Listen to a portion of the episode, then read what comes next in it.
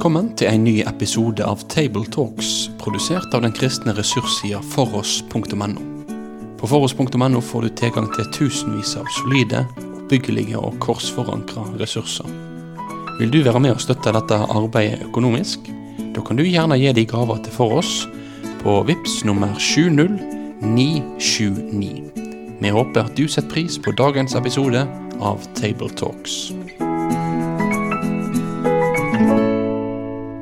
Hjertelig velkommen til en ny podkast fra Tabletalks. Tabletalks er en samtale over kommende søndagens tekst, en podkast fra foross.no. Vi sitter her i Petros studio i Bergen. Snø nei, Fjellet er fulle av snø, det er fint vær, det er sol ute. Og vi har en samtale over kommende søndagens tekst, og vi er kommet til tredje søndag i fastetiden. Og teksten vi får oss i dag, er en spennende tekst fra Markus kapittel 9, vers 17 29. Og rundt bordet, som alltid, så er det meg, Gjermund Øygarden, pastor i Salem, Bergen, Misjonsbarnets menighet. Og så har vi eminente Kristian Innestad, pastor i Betlehem, Bergens Indremisjon. Og så har emeritus eh, Morland, han har eh, pause òg i dag. Og vi har fått en fantastisk gjest. Benjamin Anda, hvem er du? Ja, Benjamin Anda, Jærbu fra Det lovede land. Eh, Jeg er prest i Delk Bergen, eh, som jo er en fantastisk tjeneste å få stå i. Og eh, det er kjekt å være her igjen. Jeg har jo vært her en gang før, så eh, kjekt å være tilbake med dere gutter. Veldig kjekt å ha deg med, Benjamin. Det er helt konge. Eh, ikke til forkleinelse for eh, Egil. Med, han er med oss videre. Han hadde bare en liten pause i dag. Eh, men før vi går inn i teksten fra Markus eh, 9, så ber jeg en kort bønn. Herre, ditt ord er sannhet. Hellige oss i din sannhet. Amen. Vær så god, Benjamin. Det hellige evangeliet for tredje søndag i fastetiden står skrevet hos evangelisten Markus i kapittel 9, fra vers 17 til vers 29. På veien ned fra fjellet påla Jesus dem at de ikke skulle fortelle noen hva de hadde sett, før menneskesønnen var stått opp fra de døde. De tok til seg dette ordet, og de diskuterte seg imellom hva det er å stå opp fra de døde. Og de spurte ham, Hvorfor sier de skriftlærde at Elia først må komme? Han svarte, Elia kommer først og setter alt i rette stand. Men hvordan kan det da stå skrevet om menneskesønnen at han skal lide mye og bli foraktet? Jo, jeg sier dere, Elia er allerede kommet, og de gjorde med ham som de ville, slik det står skrevet om ham. Da de kom tilbake til de andre disiplene, så de en stor folkemengde samlet omkring dem, og noen skriftlærde som diskuterte med dem. Straks folk fikk øye på Jesus, ble de forferdet, og de løp mot ham for å hilse ham. Han spurte dem da, Hva er det dere diskuterer med dem? En i mengden svarte, Mester, jeg er kommet til deg med sønnen min fordi han har en ånd som gjør ham stum. Når den griper fatt i ham, kaster den ham over ende, og han fråder og skjærer tenner og blir helt stiv. Jeg ba disiplene dine drive ånden ut, men de maktet det ikke. Da sa han til dem, Du vantro slekt, hvor lenge skal jeg være hos dere, hvor lenge skal jeg holde ut med dere? Kom hit med gutten. De kom med ham, og straks ånden fikk se Jesus, rev og slet den i gutten så han falt over ende og vred seg og frådet. Jesus spurte faren, Hvor lenge har han hatt det slik? For han var liten gutt, svarte han. Mange ganger har ånden kastet ham både i ild og i vann for å ta livet av ham. Men om det er mulig for deg å gjøre noe, så ha medfølelse med oss og hjelp oss. Om det er mulig for meg, svarte Jesus, alt er mulig for den som tror. Straks ropte guttens far, Jeg tror, hjelp meg i min vantro. Da Jesus så folk stimle sammen, truet han den urene ånden og sa, Du stumme og døve ånd, jeg befaler deg, far ut av ham og far aldri mer inn i ham. Da skrek den høyt, slet voldsomt i gutten og for ut. Gutten lå livløs, og alle sa at han var død. Men Jesus tok ham i hånd og hjalp ham opp, og han reiste seg. Da Jesus var kommet i hus og disiplene var alene med ham, spurte de, Hvorfor var det ikke mulig for oss å drive den ut? Han svarte, Dette slaget er det bare mulig å drive ut ved bønn og faste. Amen. Takk, Benjamin. En spennende, lang og litt utfordrende tekst. og nå leste vi litt, litt flere vers enn det som er søndagens tekst, så fikk vi litt av, av konteksten òg med der. Eh, Benjamin, vi er nå kommet i fastetiden og kommet eh, litt uti. Hva tid er det i kirkeåret? Fastetida, det er jo forberedelsestida til påskefesten. Eh, ingen fest uten faste, er det noen som har sagt. Og Det kunne vi kanskje lære litt av i vår tid. Ja. Vi er jo ikke akkurat så veldig gode på å skille fest og faste. Heller ikke blant kristne er det særlig forskjell på fastetid og påsketid, sånn som det var før, og sånn som det er i katolsk sammenheng. Det beste eksempelet ser vi jo egentlig i adventstida, som òg egentlig er i fastetid. Det visste dere kanskje ikke. Men uh, der ser vi jo at julefesten den begynner jo lenge før, uh, nesten før adventstida egentlig har begynt. Men fastetida, eller fastetidene i kirka, har liksom alltid hatt som mål å hjelpe oss til å fokusere, til å spisse oss inn på den festen som kommer. Til å fordype oss i det som eh, ligger foran. Um, Peter Haldorf eh, han eh, kan vi jo si mye om, men jeg synes han har en veldig sånn god overskrift for dette med faste. Han har sagt når vi snakker om faste, får vi kanskje assosiasjoner til ting som kjennes krevende. Vi skal strekke og anstrenge oss. Men faste er en øvelse i oppmerksomhet, i kjærlighetens oppmerksomhet, som gjør blikket litt klarere, og som gjør hjertet litt varmere. Det syns jeg er en god sånn overskrift. Og så har vi den tredje søndagen i fastetida i dag, eller som vi er samla om nå. Og der er det vondskapen som har vært sentral, egentlig, i, i alle tider i tekstene. Og til å håndtere vondskapen så trengs det oppmerksomhet. Vi blir minnet om at vi ikke bare kan avfeie vondskapen sin realitet, den må vi ta på alvor.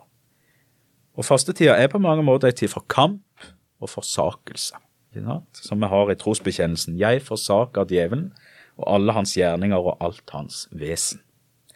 Det er på en måte fastetida sin andre overskrift, kunne vi si. Den tredje søndagen i fastetida den har fra gammelt av blitt kalt Okuli-søndagen. Visste du det, Kristian? Nei. Vil ikke erkjenne det, men Nei, men nå, nå vet dere det, både den ene og den andre. Og det betyr Det er det latinske ord for auge, altså øya. Og det kommer fra Salme 25, vers 15. Mine øyne er alltid vendt mot Herren. For i møte med vondskapen så er det best å holde blikket festa på Han, på Herren, på Jesus.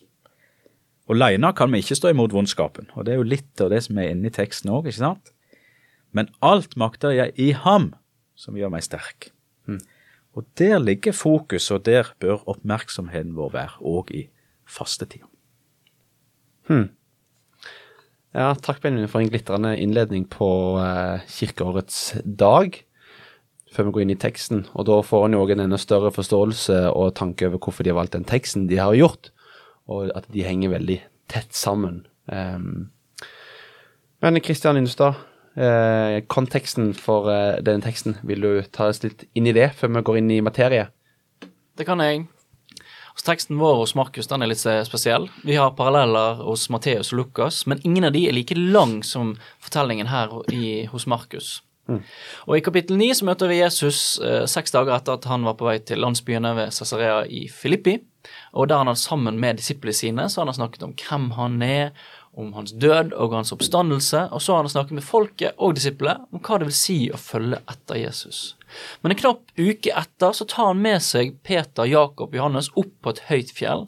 Og på dette fjellet så blir Jesus forvandlet foran øynene på de, og klærne skinte på en måte som Omo og Blenda bare kan drømme om.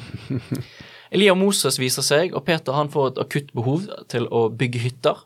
Eh, En sky dekker fjellet, og fra den lyder røsten 'Dette er min sønn, det elskede. Hør ham'. Og så På veien ned fra fjellet så får de beskjed om at de eh, ikke skal snakke om dette før menneskesønnen står opp for de døde. Hæ? Hva var det han sa? Sa han sto opp for de døde? Hva mener han egentlig? Vi kan jo bare lure på hva disiplene trengte på på vei ned fra fjellet, og de satt nok igjen med en stor opplevelse og mange store spørsmål. Men hva er greia med Elia, egentlig? Hvem var han? De skriftlærde sier at han skal komme før Messias, og de spør Jesus om det, og han svarer de Men hvordan er det da med menneskesønnen, som skal lide mye og bli foraktet? Jo, de har jo allerede gjort som de ville med den Elia som skulle komme. Og med så, disse ordene så knaker det nok eh, i hodet på disiplene når de tenker på det. Eh, og så nærmer de seg de andre disiplene nede fra fjellet. Og det er der vår tekst starter. Han går rett inn ned fra fjellet og rett inn i vår, eh, vår tekst. Eh, og da møter Jesus sammen med Peter, Jakob og Johannes eh, eh, De vandrer midt inn i en eh, diskusjon der folkemengden og noen skriftlærde står sammen rundt disiplene, de ni andre, og, og samtaler. Og Hvordan den samtalen går, det vet vi ikke helt, men jeg kan tenke at han var litt opphetet med kanskje noen skriftlærde som står og ah, Hva var det vi sa? Og folkemengde som har sett og hørt, og, og, og nå ikke forstår. Og i midten så står det nok en gruppe disipler som lurer fælt. Hva i alle dager er det som skjer? Hvorfor kan ikke vi drive ut denne ånden? For mesteren, ga ikke han altså autoritet til det? Jo, jo visst gjorde han det. I kapittel 3 vers 14 og 15 så leser vi at Jesus peker ut de tolv, og han sender ut for å forkynne, og har makt til å drive ut de onde åndene. Dette leser vi at de allerede har gjort. For i vers, eh, kapittel 6 vers 7 så leser vi at han kalte de tolv til seg og begynte å sende de ut, to og to, og han ga dem makt over de urene åndene. Og i vers 13 de drev ut mange onde ånder og salvet mange syke med olje og helbredet de. Men hva i alle dager funket ikke denne gangen? Hvorfor gikk det ikke? Og midt i denne folkemengden så står det en fortvilet far med en plaget sønn. Alt han vil, det er å se sin sønn helbredet. Men hvordan kan han det når disiplene ikke klarer det? Hva er det disiplene, de skriftlærde og folkemengden her ikke forstår? Og Så kan vi nevne at videre i kapittel 10 og delvis 11 så handler det om at Jesus setter disiplene i stand til den tiden som kommer etter hans død, eller opp mot hans død og oppstandelse. Så det er, det konteksten og rammene for denne teksten her. Takk, Kristian. Så helt sånn kort oppsummert, så Jesus han har vært på, på berget og måtte sett, de sett Jesu herlighet komme ned. Det er en ond ånd som er beset, i, eh, i, en liten gutt. Og så er det måtte før Jesus eh, sin uh, endetidsperiode i evangeliet. Ja, ja. Ja. Det er det siste store miraklet som skjer i Markusevangeliet. Forutenom ja. uh, fikentreet i, i, kapittel 11, som, som, på en måte blir en annen ting. Dette er en, på en måte offentlig mm. uh, undergjerning som Jesus gjør, den siste her hos Markus. Og det er en veldig sånn grafisk beskrivelse av demonbesettelsen. Altså den river og sliter i denne stakkars gutten. Mm. Um, og så tror jeg på en måte vi må nevne her at folk Nå har jeg sett en del uh, en del bibeloversettelser og en del kommentarer, så setter man et likhetstegn mellom denne tilstanden gutten har og eh, sykdommen epilepsi.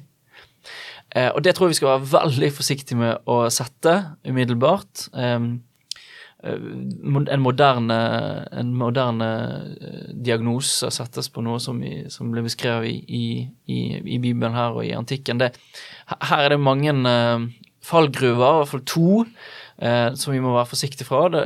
Og det, det ene handler om at alle beskrivelsene av eh, demonbesettelser er antikke og primitive beskrivelser av sykdom vi vet mer om i dag.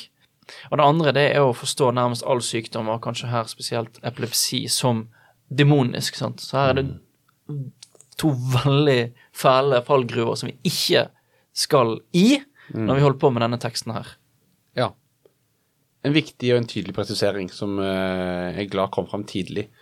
Fordi uh, her så er fødselstallet blant oss tre fra 93 til 96. Og det er jo ikke sånn at i den tiden vi har levd, at det er veldig vanlig å høre om folk som er besatt. Men jeg antar det i verden generelt i dag, så er det jo folk som har vært besatt av vonde ånder. Absolutt. Og litt sånn liten sånn hot take som folk kan gjerne få lov til å være uenige med meg om, da. Men det, det er jo at vi har levd i et veldig tydelig kirkelig samfunn, og jeg tror det helt konkret er en velsignelse i det at vi, vi har eh, ikke sett veldig mye til den type demonbesettelser som er beskrevet i Bibelen, som vi òg kanskje hører om fra misjonsfeltet og rundt omkring. Um, og så kan uh, tenkes at det kan endre seg hvis man, uh, hvis man går i en mer eksplisitt, kanskje hedensk retning, da. Eh, det skal jeg ikke konkludere for tydelig med, men mm. vi beveger oss inn i et tema der noen med veldig sånn stor pondus går inn og sier sånn og sånn og sånn. Eh, så tror jeg eh, nettopp denne teksten her lærer oss at vent, her er noe mer. For er en offentlig Offentlig så snubler disipler her. De feiler. Og så skinner Jesus. Og så sier han at denne slagen, og den, jeg tror den, når han snakker om denne slagen, så kategoriserer han ikke ulike typer demoner. Litt skeptisk til den tanken, i hvert fall. Men denne slagen, altså de, eh, Demoner som et fenomen kan ikke drives ut uten bønn og faste. Og det handler mer om hvem bønn og, og fasten er rettet mot, enn selve bønnen og fasten som sådan. Og jeg tror det er det disiplet her lærer sant? når de kommer tilbake inn i huset sammen med eh, Jesus. spør hva i alle dager skjedde nå? Dette har, du har jo sendt oss ut, og vi har drevet ut demoner, men hva skjedde nå? Ja, men hør, husk, husk. Det er ikke deres autoritet, det er min autoritet. Sant? Mm. Jeg tror det ligger noe der i denne teksten her.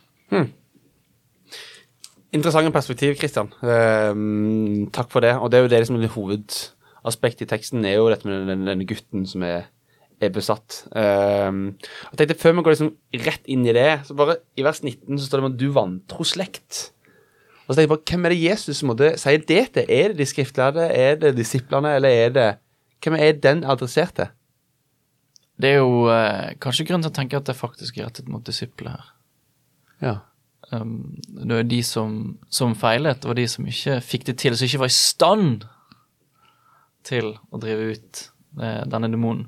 Så, så jeg tror um, tror nok det er rettet mot, mot eh, de, og jeg tror òg vi har Nå kommer jeg ikke på det, vi har jo eksempler at han irettesetter de og troen deres andre steder i evangeliet.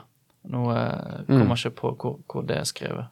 Så, så jeg tror det er nok eh, Det kan være et kollektivt rettet til av hele gjengen, da. Eh, Alle fortjener den. Men jeg tror akkurat her så er det disiplene som, er, mm. som, som står i sentrum av folkemengden, og, og, og eh, det er de som, som eh, eh, ja, feiler her, rett og slett. Mm. Ja, og så går han jo rett videre på ikke sant, 'kom hit med gutten', Mm. som de jo spiller, spiller på. ikke sant, At, at han ble ikke frisk. Nå, nå tar jeg over og, og gjør det som skal gjøres. Og tar på en måte arbeidet, tar over arbeidet. Så jeg òg tenker at det, det nok er en kritikk av, av eh, disiplene, og det er er jo ikke Jesus fremmed for. Eh, Peter har jo fått gjennomgå, blant annet. Eh, Både før og seinere. Og, eh, og, eh, så jeg tenker òg at det er disiplene dette er retta mot. Du vantro slekt. Men eh, det er klart, de skriftlærde òg er jo ikke akkurat ja, kjent for sin tro, da. Så, så de kan vel kanskje ta med seg kritikken, de òg. Og så, så blir jo det òg rettet mot, eh, mot far her, eh, etter hvert.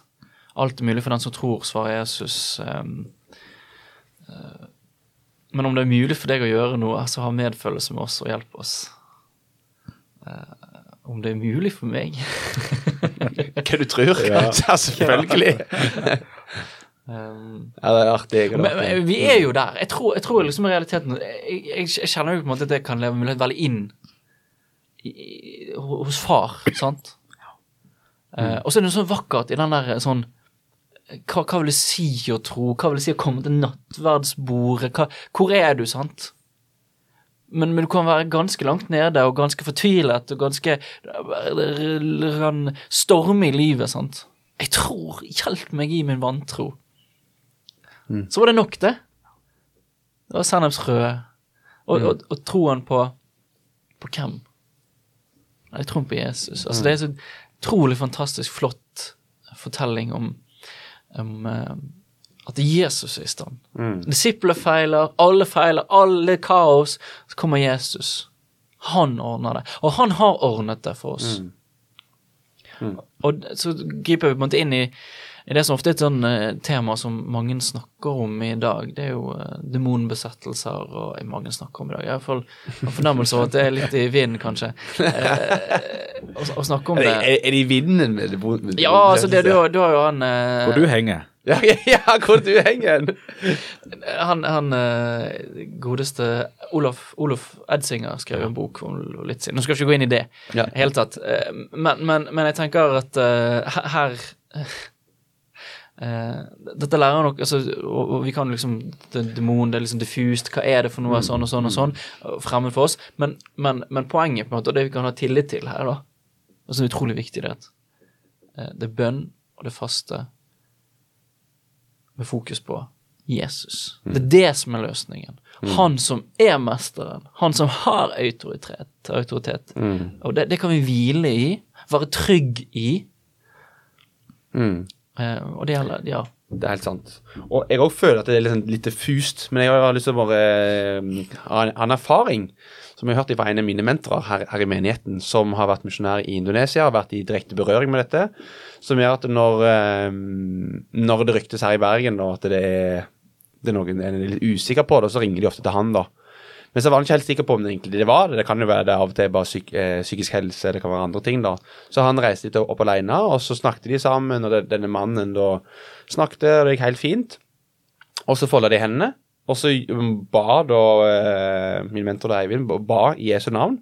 Og idet han nevnte navnet Jesus, så begynte denne personen bare å skrike og vræle og bli et helt annet liksom, utseende, da, nesten, i, i ansiktsuttrykket. Så bare uh, avslutta han bønnen og sa at jeg må komme tilbake en annen dag, da. Så fikk han med seg en annen, en som Svein, og så kom han tilbake noen eh, dager seinere og begynte å be, og det samme skjer igjen. Helt normalt, helt fin. Og idet de folder hendene og begynner å be Jesu navn, så begynner han å skrike og vræle. Og da ber de sammenhengende uavbrutt i to timer fram og tilbake før den onde ånden forsvinner over mannen, og ånden eh, ånden for- forlater mannen, da. Og det er for eh, ett år siden her i Bergen. Og, og denne mannen visste ikke det.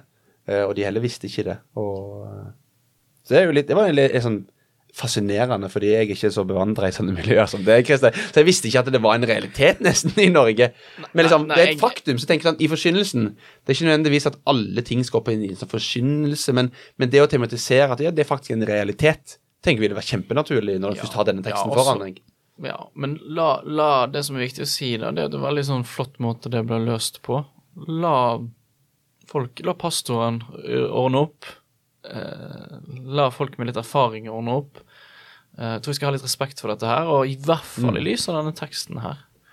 Skal man være litt um, forsiktig. Og så skal vi være veldig forsiktige med å blande kortene på hva som er hva.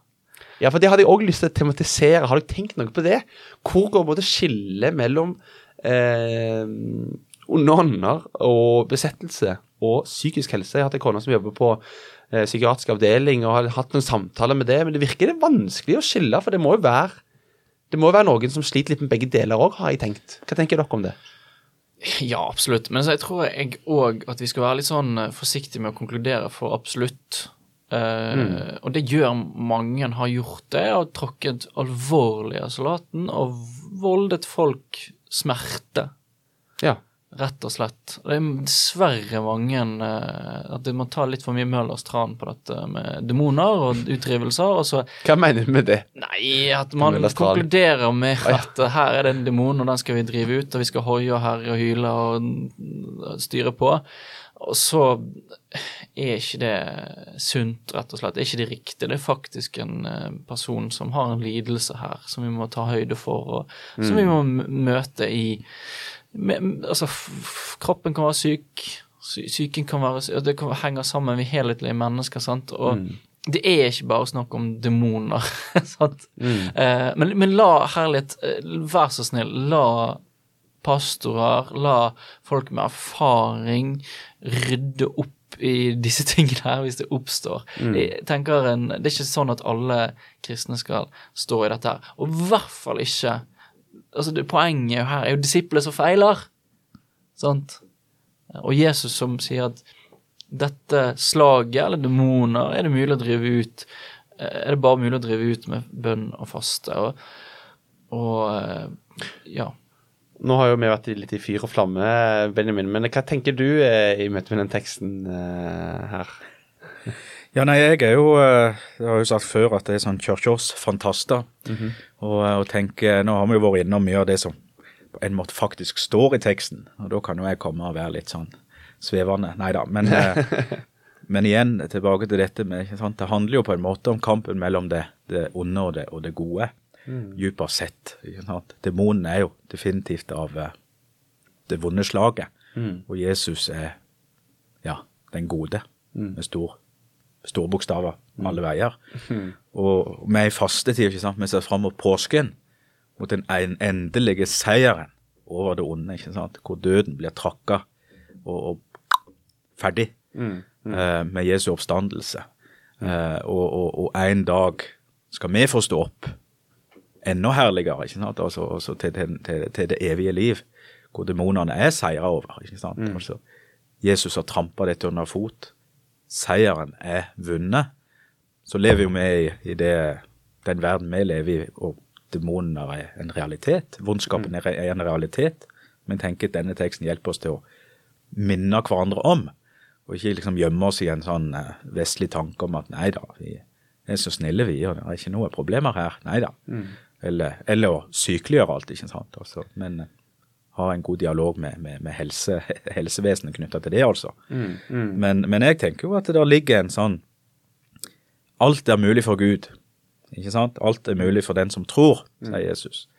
Og da er det jo fordi alt er mulig for Gud. For hvem er det vi tror på? Jo, det er jo Jesus. Han som har gjort alt mulig fordi han har seira over døden. Så jeg tenker jo den teksten peker fram den endelige seieren, hvor alt det vonde er. Det er ferdig.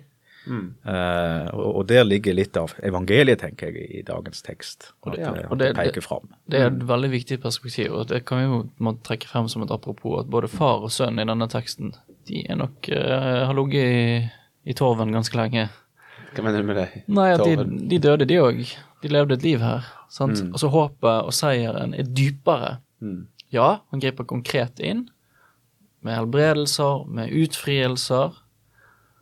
Men dypest sett så har Kristus vunnet en absolutt seier over djevel, død og skjød. Og den seieren, den er vår. Ikke av oss, men av hvem bønnen rettet mot, av hva fasten eh, hjelper oss å rette fokus på. På Kristus. Det var en nydelig avslutning på eh, denne samtalen over denne teksten. Takk for at dere var med igjen, eh, gutter, over en eh, spennende tekst. Og takk til deg som lytta til denne podkasten, denne episoden. Guds fred og velsignelse over forberedelsene til dere som skal forkynne denne helga. Må Jesus bli stor i våre kjerker. Da vil vi si takk for at du valgte å få med deg denne episoden av Tabletalks, produsert av den kristne ressurssida foross.no. Driftinga og utviklinga av nettsida vår den er avhengig av gode og trufaste støttespillere. Vil du gi ei gave til dette arbeidet? Da kan du gi den via VIPS nummer 70929, eller så kan du besøke foross.no for mer informasjon om å kunne bli en fast giver. Ha en god dag videre.